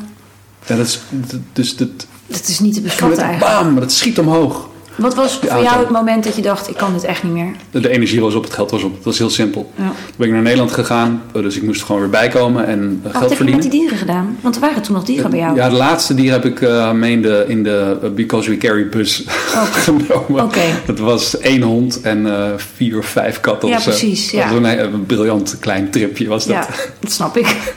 Hoe lang doe je erover met zo'n bus? Uh, drie dagen. Oh, Oké. We hebben het in drie dagen gedaan, denk ik. Ja. Heb je zelf huisdieren? Ik had uh, Puk. Puk was een, dus een hondje wat ik vond op Lesbos, een puppy. Was gedumpt met uh, twaalf andere pups. En Puk heet eigenlijk Pukkel, vernoemd naar zijn geslachtsdeel. Want hij was een van de twee mannetjes. En toen we, toen we al die hondjes aan het checken waren, was het, oh meisje, oh meisje, oh Pukkel. meisje. Hé, hey, deze heeft een pukkel. Goed verhaal. Pukkel pukkel.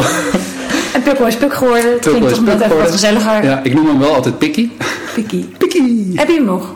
Is hij Hij zit bij mijn neefje. Oh, zit bij je neefje. Ja, ik woonde gewoon te klein. Te Oh, ja. veel één op één. En nu zit hij bij mijn neefje. Heel gezin. eh, café bij een bos. Dus Oh, mooi. dat is echt briljant. Ja. En als ik hem zie, dan, is het, dan, dan smelt mijn hart weer. Knuffelen we Ja, eindeloos. snap ik. Ja, Want ik kan me zo voorstellen, jouw grootste wens gewoon een boerderijtjes met heel veel dieren, of Ja, niet? eigenlijk wel. Zoiets. Ja. En met hele fijne mensen. Ja, Een soort community. ja alleen al van, eh, ehm, van, van specifiek toffe mensen. Space, je bent heel selectief. Die iets willen en kunnen. ja, heel selectief, ja. Ik hoor het. Geen lanterfanters. Geen lanterfanter. Geen tofu vretende boomknuffelaar. De thee komt nu uit Maurits neus. Amen. Ehm, waar wil jij, want we weten nu waar, jij, waar je vandaan komt. Dat is best, nou ja, dat sowieso is jouw verhaal niet eens in één uur te vatten. Maar we proberen er wat highlights uit te halen. En vooral hoe wij Ja. elkaar kennen. Jij kwam terug in Nederland. Ehm, je moet daar van bij komen. Ja, Je moet bijslapen, je moet Ja. bijtanken op alle mogelijke vlakken. Wat ben je daarna gaan doen? Ik heb geen idee. Ik, er is echt, dat, dat mist allemaal. Ik weet hole. niet wat er in die tijd precies is gebeurd. Nee? Nee, want het was ook aan en af naar Lesbos. En werd langer in Nederland, wat langer op Lesbos. En op een gegeven moment appte dat gewoon weg. Want het was niet meer. Ik kon het ticket gewoon meer betalen. en Zo. Nee, ach, dat klinkt wel heel erg sneu. Nee, maar ja, als het zo werkt, dan werkt het zo. Ja. Ehm, Ben je nooit meer terug geweest naar Lesbos? Nee, Wil je dat daarna niet? niet. Ja, wel. Ja, maar nu niet. Nee. Maar het komt zeker nog. Als het misschien daar ook wat rustig is. Of, of als ik het idee heb dat ik echt weer iets kan betekenen. Ja. Want dan zou je weer voor dieren gaan? Nee. Nee, ik ga alleen nog dingen doen voor mensen en dieren als daar eh, een hele gezonde eh, bak energie achter zit. Dus energie qua eh, fysieke en geestelijke energie, maar ook geld. Dus er moet ergens kapitaal zijn waardoor je ook echt dingen kan doen. Ja. Geen eh, moeilijke dagen meer, geen, Geen slechte bedden, geen slecht eten. Het moet goed zijn, want anders fik je jezelf kapot. Ja. Mooi inzicht. Ik denk dat heel veel mensen zichzelf kapot gefikt een hebben. hele harde weg om dat te leren. Ja, dat was best een harde eerschool voor jou. Yep. Mijn hemel, hoe lang moest je daarvan bijkomen? Om dat avontuur? Ik heb geen idee. Ik weet het ook echt niet. Ik weet het echt niet. Want ik weet nog dat ik terugkwam. eh, dat is het enige wat me nog een beetje bijstaat. En dat ik dacht, ik ga mijn, eh, eh, mijn hondenkussenproject. Ja. Daar ga ik geld mee verdienen. En dan ga ik met dat geld, daar gaat iets mee gebeuren. Maar ik was zo afgefikt dat dat, dat, dat ook allemaal niet meer werkte. Nee. Dus ik ben denk ik eh, anderhalf jaar aan het klooien geweest. eh, aan het aanmodderen. En toen opeens ontstond er weer wat. En begon er weer wat energie te komen. En zo gaat Pittig, dat. pittig grijs, eh Maurits. Pittige reis. Ja, voor jou. Ja. Ja, ik denk het wel. Op een dag pluk ik er de vruchten van. Je hebt wel goed verhaal om te vertellen tijdens een podcast. ik hoop dat mensen nog luisteren. Iedereen is afgehaakt. Nee, mensen blijven wel luisteren. Waar vul jij nu je dagen mee? Ehm, eh, eh, van alles. De, ehm, ik moet geld verdienen. Dat doe ik dus met eh, web development. Dat doe ik voor een aantal bedrijven. Dus daar ben ik misschien gemiddeld twee dagen, drie dagen of tweeënhalve dag per week mee bezig. De rest van mijn tijd probeer ik in te vullen met ehm, ehm, werken aan mijn eigen projecten. En dat is, je moet je niet voorstellen dat ik 's ochtends opsta en de hele dag aan het werk ben, en, maar dat gaat met vlagen. Ja. En soms ben ik eh, twee dagen helemaal ver- ver- verdronken in wat ik moet doen voor mijn project Matters. Ehm, en een andere dag eh, sta ik eh, meer dan de halve dag op de tennisbaan buiten de deur, omdat het heerlijk weer is. Klinkt goed. Ja, ja dat, dat voelt eigenlijk ook wel goed. Het is, een, vrij. het is best wel een lekkere flow en het, voelt heel erg vrij. Ja. Wil je iets vertellen over je projecten? Of niet? Eh, over Matters kan ik zeker wat vertellen. Omdat het compleet in lijn ligt wat jullie hier doen. Ehm, ik wil de wereld veranderen. En mijn grote vraagstelling is: hoe de hel gaan we dat doen? Hoe, hoe krijgen we het voor elkaar? Ehm, ik vind het heel moeilijk om, om zo kort mogelijk uit te leggen. Maar Snap ik. En je hebt wetenschappelijk onderzoek gedaan naar wat nodig is om gedrag te veranderen van mensen ook. Samen met anderen, volgens mij. Ja, ja, we zijn dus behavioral science ingedoken. Van hoe krijg je, eh, hoe, hoe zorg je ervoor dat mensen getriggerd worden om iets te gaan doen. Voor of ander. iets te veranderen. Of whatever. Eh, er zit een heel mooi systeem achter van rewarding, eh, van weet je wel, comf- comfort, dat mensen zich gezien voelen en zo. En wat ik ga, wat ik, waar ik mee bezig ben, is een platform opzetten waar mensen eigenlijk kunnen gaan oefenen om goed te doen. En het is, het is super simpel. Dus je logt in en je kan kiezen uit een x aantal eh, go- goede eh, acties, goede dingen die je kan doen. En die stel je in voor jezelf en je wordt geholpen met die acties uit te voeren. En het kan zo simpel zijn als je banden één keer per week van je, van je eh, auto bijvoorbeeld oppompen. Tot eh, naar bijvoorbeeld Lesbos gaan om daar in een kamp te gaan helpen. Wauw. Dus je kan mini-verschilletjes maken om, om iets bij te dragen. Dat je banden Ja. oppompen zorgt voor minder uitstoot. Ja, dus hoe mensen zichzelf zien is voornamelijk ehm, gebaseerd of op, op hoe zij over zichzelf denken. Ben ik een goed persoon? Als je denkt dat je een goed persoon bent, dan, dan maak je keuzes die meer goed zijn dan slecht. Ja. Als je denkt dat je niet een goed persoon bent of ontevreden bent over jezelf of ergens mee zit, dan maak je al sneller keuzes In lijn die, minder goed zijn. Ja. En dus wa- waar wij voor willen gaan zorgen is dat mensen een goed gevoel krijgen over zichzelf. Eh, Er zijn eh, miljoenen mensen op deze wereld die weten dat deze aarde niet heel erg lekker aan het draaien is. Het gaat niet helemaal de goede kant op eh, qua klimaat, qua ehm, vluchtelingen, qua water, qua voeding, qua eh, leed. Eh, er zijn ongelooflijk veel onderwerpen en we weten het allemaal. Maar we zijn ook occupied bij, met wat we op een dag moeten doen. Heel veel, de meeste mensen hebben, eh, hebben gewoon een baan, hebben kinderen, hebben een huis, hebben van alles om aan te denken. En dat, dat past er gewoon niet meer bij. Nee. Ook omdat je dan natuurlijk in je eigen bubbel zit, in je omgeving, waarin dat vaak niet gestimuleerd wordt. Dus hoe makkelijk zou het zijn als jij van buitenaf hele kleine stimulans krijgt om soms aan dat soort dingen te denken. Eet één keer in de week vegetarisch of veganistisch. En als je het doet, dan is het een hele kleine oefening. En als die oefening, ehm, eh, als het gevoel na die oefening goed genoeg is, dan blijft die zitten. Dat is het beloningssysteem. Ja, en dan hoef je dus niet heel erg je best te doen om te veranderen. Want dan ga jij vanuit je onderbewustzijn vanzelf betere keuzes maken. Mooi. Ja. Ik hoor toch hier een beetje die psycholoog weer naar voren komen. Die Ja. wordt toen je klein was. Filosoof, psycholoog. Oh, ja, maar hoe mooi is dat? Er zit nou Ja. een heel psychologisch stuk achter jouw eh, platform. Ja, en ik ben, ik, maar geloof me, ik ben ook heel erg blij met dat hele concept. Ja, Matters is dan zonder de A, zonder de E. Ja. Matters. Ja, en eh, ik zeg het een beetje tussen neus en lippen door matters, want het, de naam maakt me niet zoveel uit. We zijn nog bezig met de naam te verzinnen voor het platform zelf. We zijn nu bezig met de proof of concept. En dat houdt in dat wij gaan testen eh, of het basisprincipe van ons concept, of dat viable is. Of het echt werkt. Of, het, of mensen daar iets mee doen. En of ze terugkomen. Of ze erop aangaan. Ja, en dat is bijna klaar.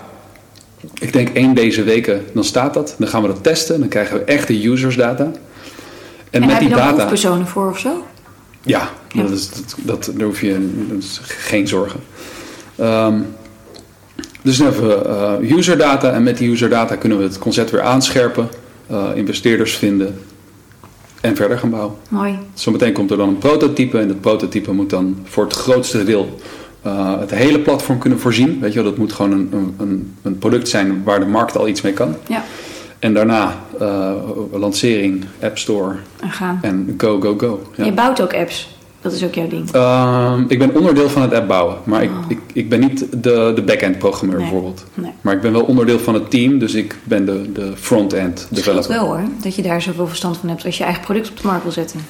Ja, Je weet hoe het er visueel ook uit moet gaan zien. het, scheelt, het scheelt enorm, uh, maar het maakt het ook heel lastig, want Ja. je, moet, je, je bent met alles bezig. Maar goed, mijn financiële situatie geeft mij niet de mogelijkheid om dat allemaal uit te besteden. Nee. Dus so far gaan we dit pushen om het zelf te doen. Ja, En eh, zometeen, als, er, als we userdata hebben en de juiste eh, informatie om investeerders mee binnen te trekken, dan gaan we los. mooi. Ja, Ik denk namelijk dat op het moment dat mensen voelen wat het doet om een verschil te maken, daarom zijn we ook deze podcast begonnen, dan gebeurt er iets inderdaad in heel je systeem. Het verandert iets in je hele gedrag, in alles. ja. Dus ik geloof enorm in jullie concept, omdat ik ook echt denk dat het bijdraagt aan bewustwording voor mensen. Ik geloof het echt. fijn.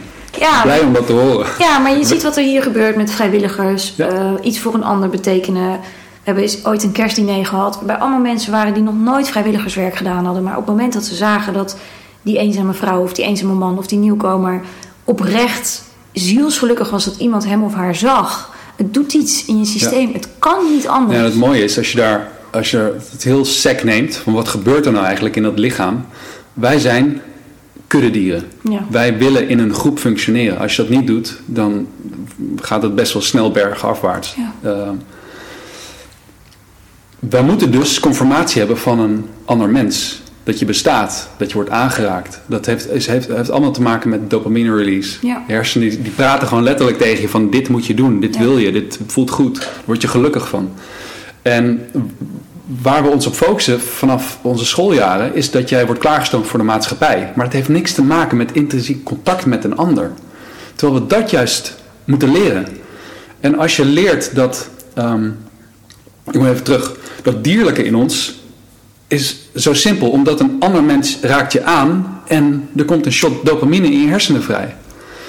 Uh, een ander mens lacht om iets wat jij voor diegene doet of zegt dankjewel. Bam, dopamine release. Het is allemaal rewarding. En het is zo simpel omdat we kuddedieren zijn. Je Ja. kan er niet omheen. Nee. Dat is van, en als je dat weet terug te pakken in je lichaam, dan, dan Geluk weet je, gegarandeerd. ja, ben, Ja. ben weer mens. Ja. Ben geen nummer, ben geen uh, Hoe zie jij dan machine die afgelopen- functioneert in een systeem. jaar, waarbij iedereen ongeveer afgescheiden is van elkaar op elk vlak? Verschrikkelijk. Heel Echt. ongezond. Ongelooflijk verschrikkelijk. En dan vind ik corona niet verschrikkelijk. Ik vind hoe wij mensen ermee omgaan, vind ik verschrikkelijk. ja.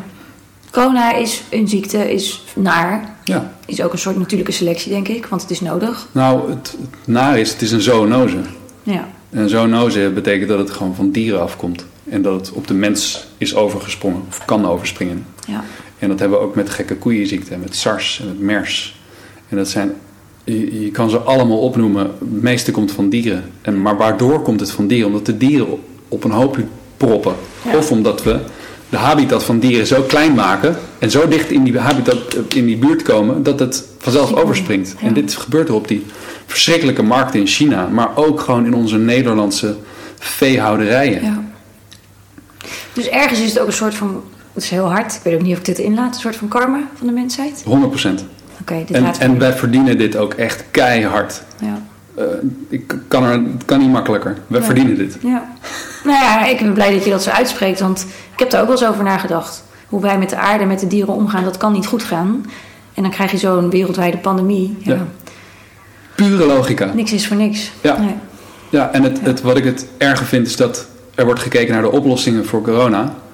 Iedereen moet uit elkaars buurt zijn, maar er wordt niet op de lange termijn gekeken naar hoe kunnen we ervoor zorgen dat corona nooit meer ontstaat. Ja. Of iets als corona nooit meer ontstaat. Of iets als SARS of MERS. Of Dus eigenlijk weer de pleister in plaats van de oorzaak aanpakken. Natuurlijk. Ja. Ja.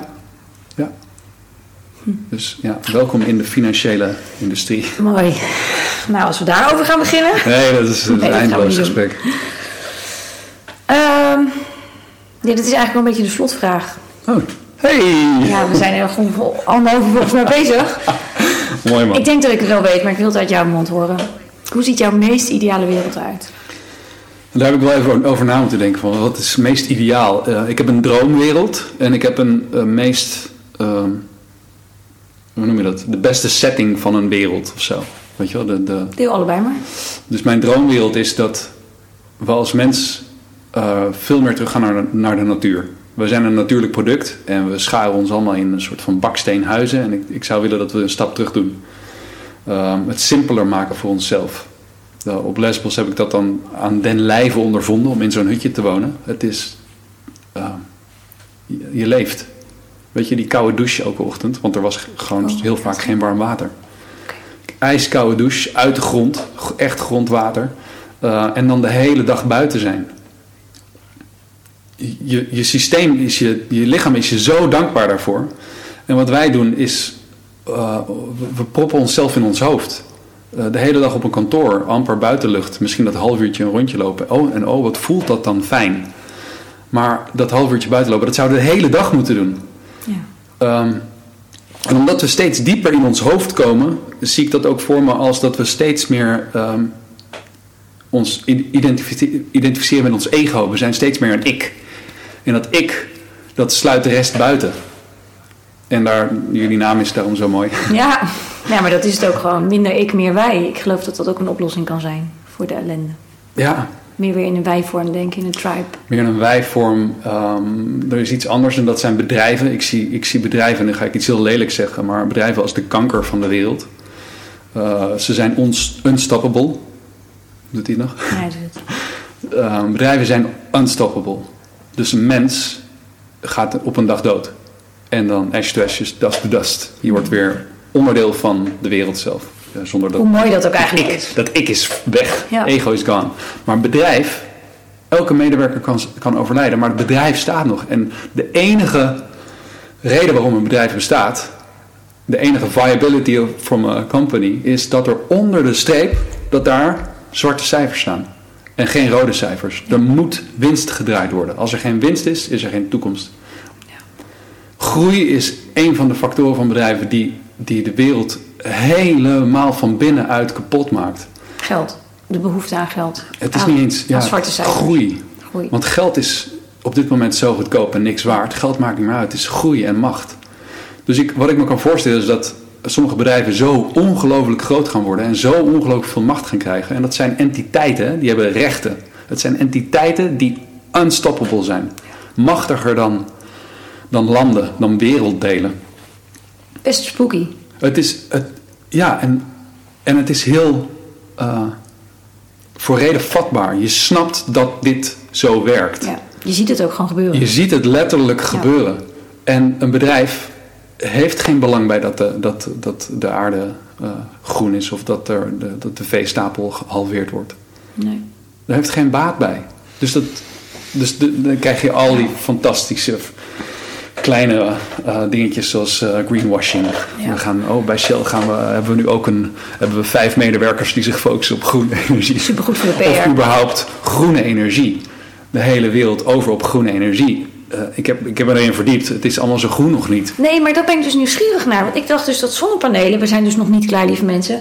Ik dacht dat zonnepanelen en windmolens echt fantastisch waren. Maar Tony zei op een gegeven moment, mijn vriend die windmolens in zee, heb je enig idee hoe dat de dierenkolonie daaronder verstoort? Al die vissen en al die ja. gemeenschappen in dat water. Ja, dat doet het. er wordt heel, heel veel onderzoek naar gedaan. En um, ik denk dat we nog niet zo ver zijn om precies te weten wat het, wat het allemaal nee. teweeg brengt.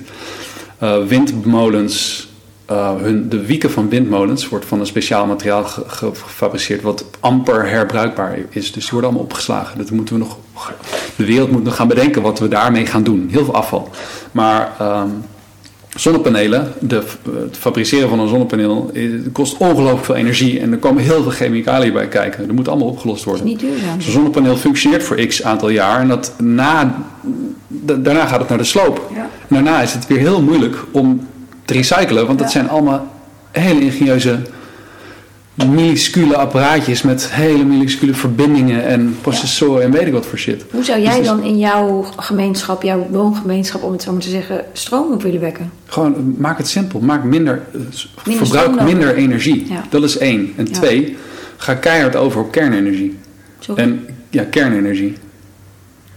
Ik, Het weet, kost- het- ik weet er niet genoeg van het kost wat, vinden. het kost wat, maar het is een van de, van de meest schone en, en ehm, eh, constante eh, bronnen van energie. Echt? En er komt kernafval af. En dat is heel lelijk, maar het is sowieso niet zo lelijk als wat we nu aan het doen zijn. En dat, dit, ik zeg dit heel hard en ik heb in mijn hoofd niet eh, precies meer wat ik allemaal daarover heb onderzocht. Mhm. Maar ben het alsjeblieft niet met me eens en ga op onderzoek uit. Ga dit allemaal sowieso. onderzoeken, maar wees niet biased. Nee. Ga kijken wat kernenergie kan. En ga kijken bijvoorbeeld ook naar.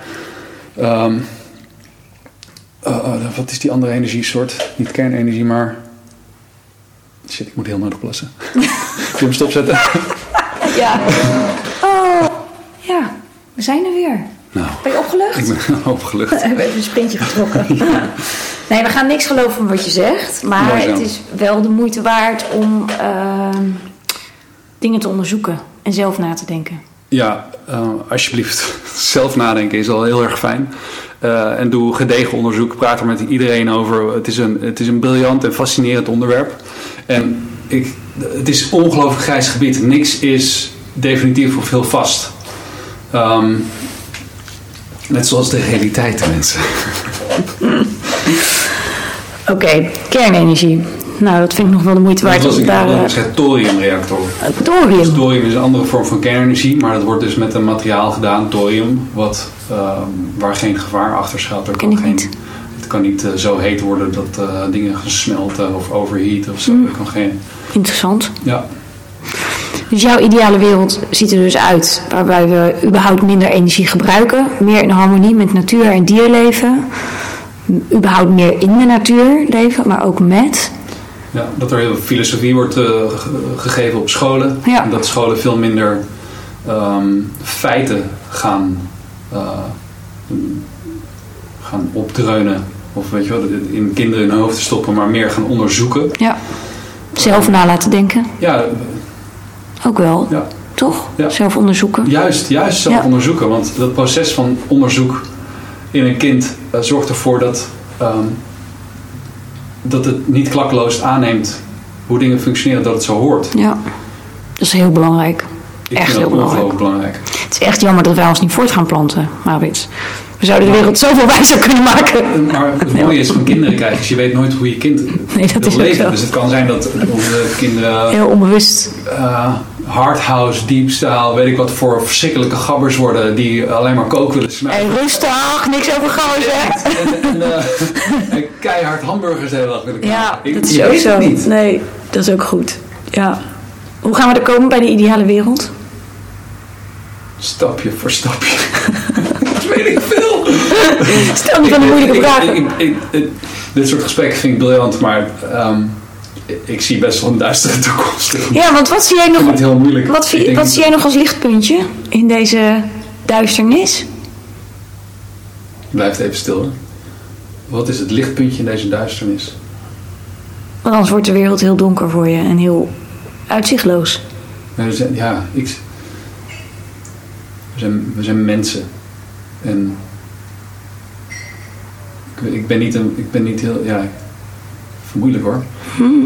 Ik wil En jij houdt van filosofie. We zijn fatalistisch. Het, het is best wel simpel. We willen niet fatalistisch zijn, maar we zijn het omdat we niet verder kunnen kijken dan onze neus lang is. En voor de mensen die het woord fatalistisch niet kennen. Uh, een gedoemd, gedoemde toekomst tegemoet gaan. Nou, lekker lichtpuntje. Ja, een heel mooi weet. puntje. En, maar wat ik nu zie is dat er heel veel mensen met het woord woke aankomen. Ja. Eh, ja, maar jij bent niet woke, je bent niet wakker. En dat is weer de andere kant. Het is weer, weer een soort van groepen verspreid. En jij bent links en jij bent rechts.